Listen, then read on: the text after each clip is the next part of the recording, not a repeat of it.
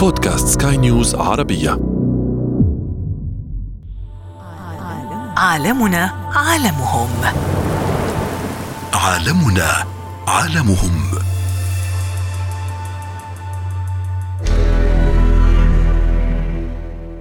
يمكن للمواطنين أو للإنسان أن يستفيد من أشعة الشمس حسب منطقة العرض التي يعيش فيها وبالتالي المناطق تختلف من منطقة إلى أخرى من أوروبا إلى المنطقة العربية.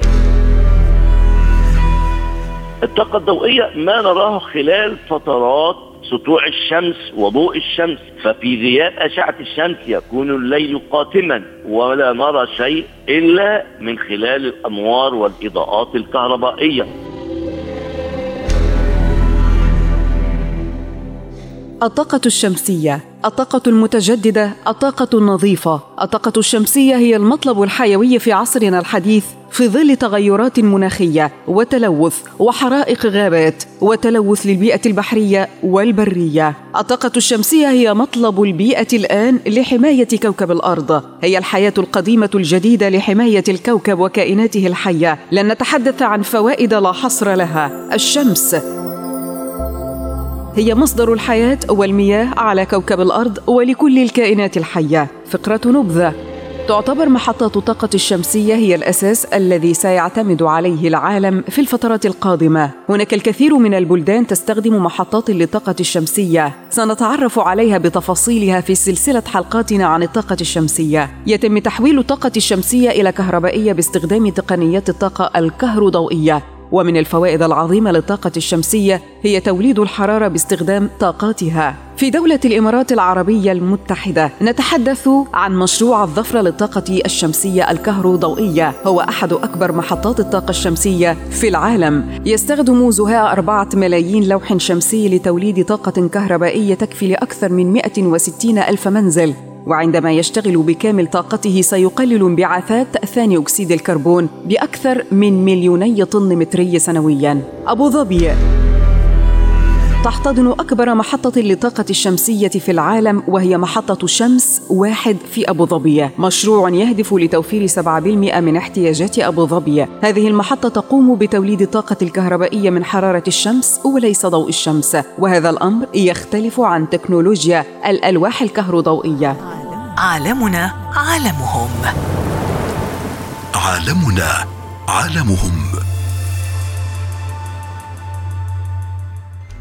أهلا بكم مستمعينا الكرام في حلقة جديدة من برنامج عالمنا عالمهم آه الذي يسلط الضوء على البيئة وعلى كوكب الأرض وكل الكائنات الحية على هذا الكوكب. في هذه الحلقة سنتحدث عن طاقة نظيفة وطاقة متجددة وهي متوفرة وبأقل الأسعار وهي الطاقة الشمسية. سيكون معنا ضيفنا في هذه الحلقة الدكتور علي قطب نائب رئيس هيئة الأرصاد الجوية سابقا و أستاذ المناخ والأرصاد الجوية بجامعة الزقازيق أهلا بك دكتور علي ضيفا كريما معنا في هذه الحلقة من برنامج عالمنا عالمهم أهلا بحضرتك أستاذة لبنى واهلا بهذا البرنامج ويمكن منتشر على مستوى ليس فقط دولة الإمارات العربية ولكن بيخرج إلى نطاق الدول العربية وأخرى دول أوروبية. قبل البدء في الحديث عن الطاقة الشمسية سنتحدث عن علاقة المناخ بالبيئة وبالطاقة الشمسية.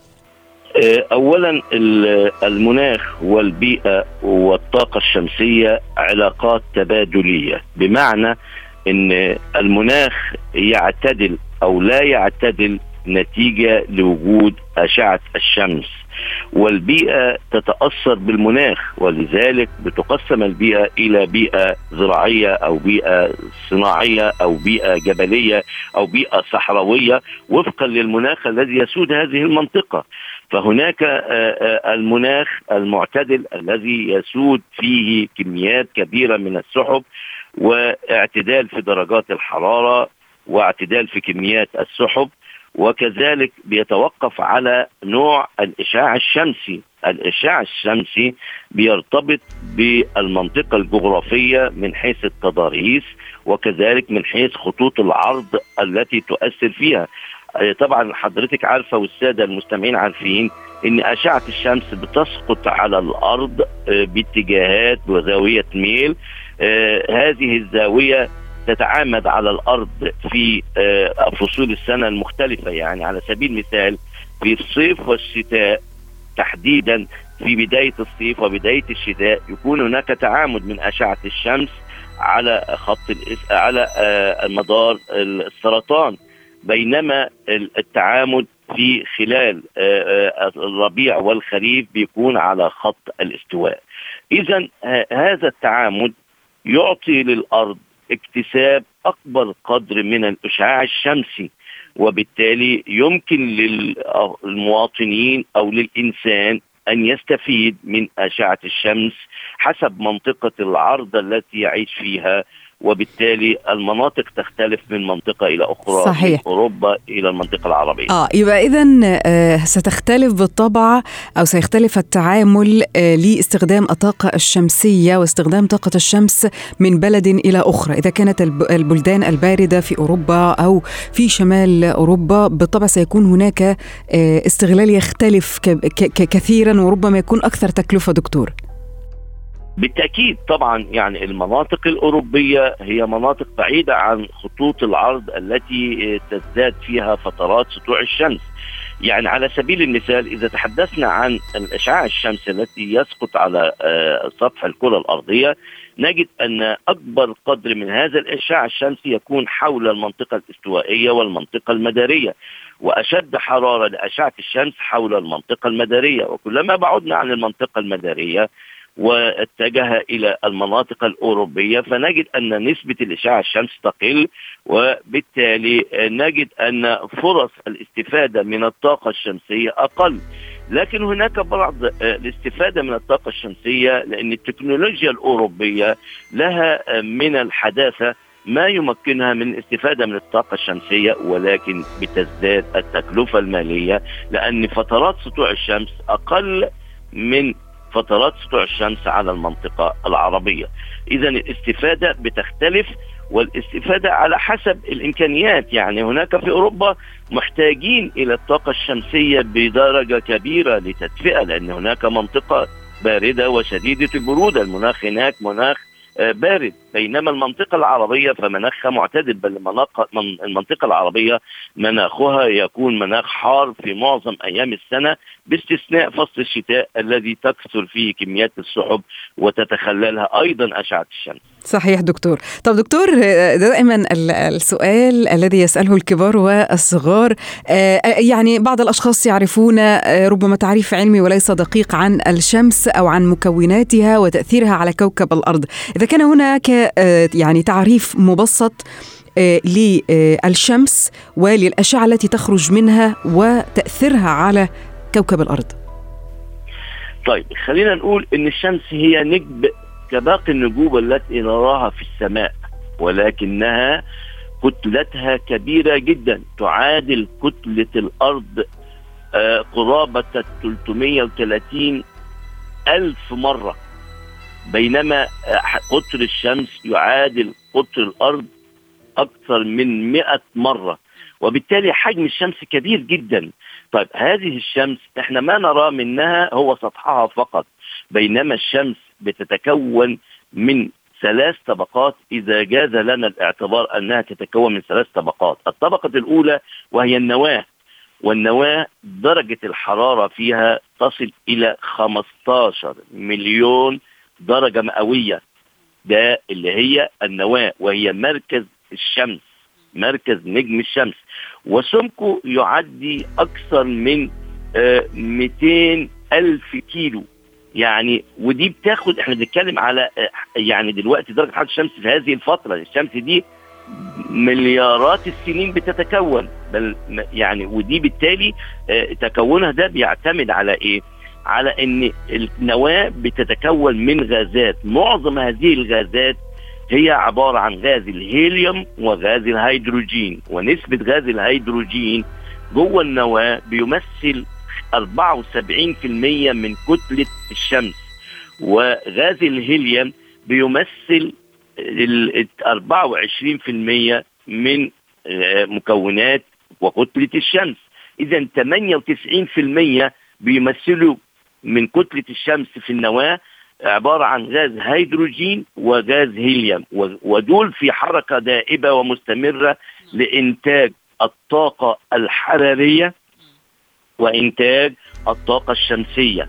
طب بنخرج من هذه النواة إلى السطح الشمس. بعيدا بقى مسافات تزيد عن مليون كيلو متر مسافة فبالتالي بتخرج إلى الأشعة الشمسية. ما نراه من الشمس هو سطح الشمس. فبينبعث من الشمس أشعة. هذه الأشعة ثلاث أنواع من الأشعة. الأشعة الفوق بنفسجية والأشعة تحت الحمراء والأشعة الضوئية وكل ذلك بينتج لنا طاقة. طاقة حرارية وعبارة عن طاقة كهربائية من خلال الموجات كهرومغناطيسية. طبعا اللي بيصل للأرض هي الطاقة الضوئية. إحنا دلوقتي نقدر نشوف من غير الشمس؟ لا. بالطبع لا صحيح. طب يعني الطاقة الحرارية لو قسمنا ال ال ال يعني هذين الجزئين دكتور الطاقة الحرارية والطاقة الضوئية فلتحدثنا عنهما أيضا. الطاقة الضوئية ما نراه خلال فترات سطوع الشمس وضوء الشمس. ففي غياب أشعة الشمس يكون الليل قاتما ولا نرى شيء إلا من خلال الأنوار والإضاءات الكهربائية. هذه هي الطاقة الضوئية. الهدف كله إضاءة كوكب الأرض. وبالتالي ده بينفذ هذه الأشعة عبر الغلاف الجوي للأرض. إذا الغلاف الجوي هو منظم للأشعة الصادرة من الشمس إلى كوكبنا كوكب الأرض. لأن مكونات هذه الأشعة في منها أشعة ضارة وأشعة صالحة للإنسان أو إيجابية للإنسان.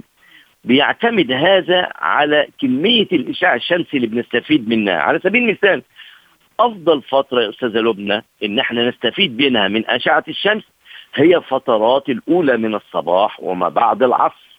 لأن نسب ال ال ال الأشعة الشمسية فيها بتكون صالحة لجسم الإنسان. وبالتالي إذا تعرضنا منها لفترات طويلة في فترة الظهيرة بتصيب الإنسان ببعض الأمراض. نعود إلى هذه هي الطاقة الضوئية والطاقة الحرارية. الطاقة الحرارية بناخد حرارة منها. بناخد الحرارة دي مفيدة للإنسان وجميع الكائنات الأخرى الحية. مفيدة لكوكب الأرض بصفة عامة.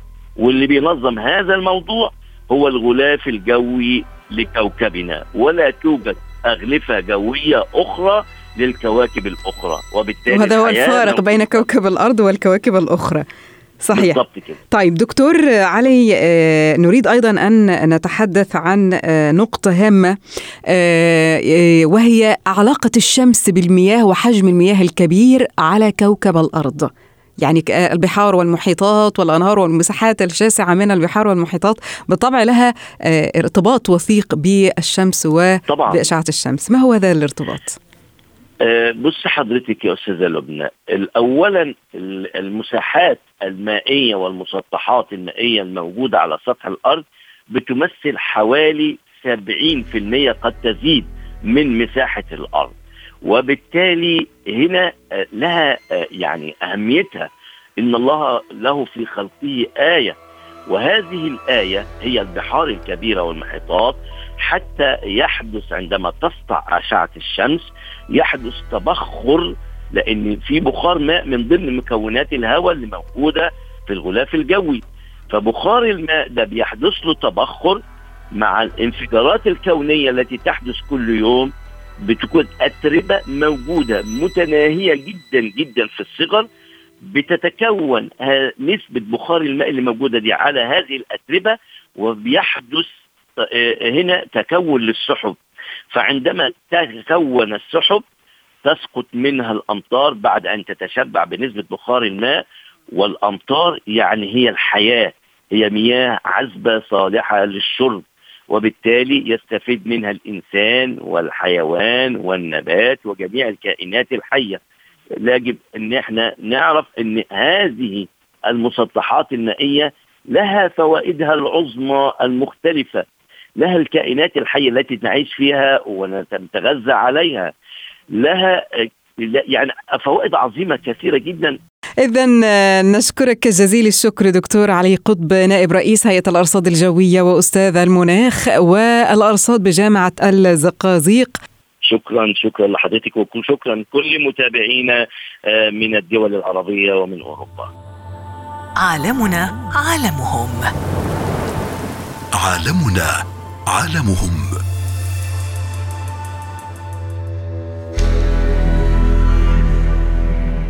سيعود العالم من جديد إلى طاقات لا تنضب إلى طاقات ومصادر متجددة نظيفة تحمي الأرض ومن عليها. نرجو منكم متابعينا أن تقترحوا افكارا لاستخدام الطاقة الشمسية في المنازل بشكل فردي أو جماعي لنحمي كوكبنا. كان معكم في هذه الحلقة في الإعداد والتقديم لبنى الخولي وفي الإخراج إيدي طبيب. انتظرونا في عالمهم عالمنا. عالمنا عالمهم. عالمنا عالمهم.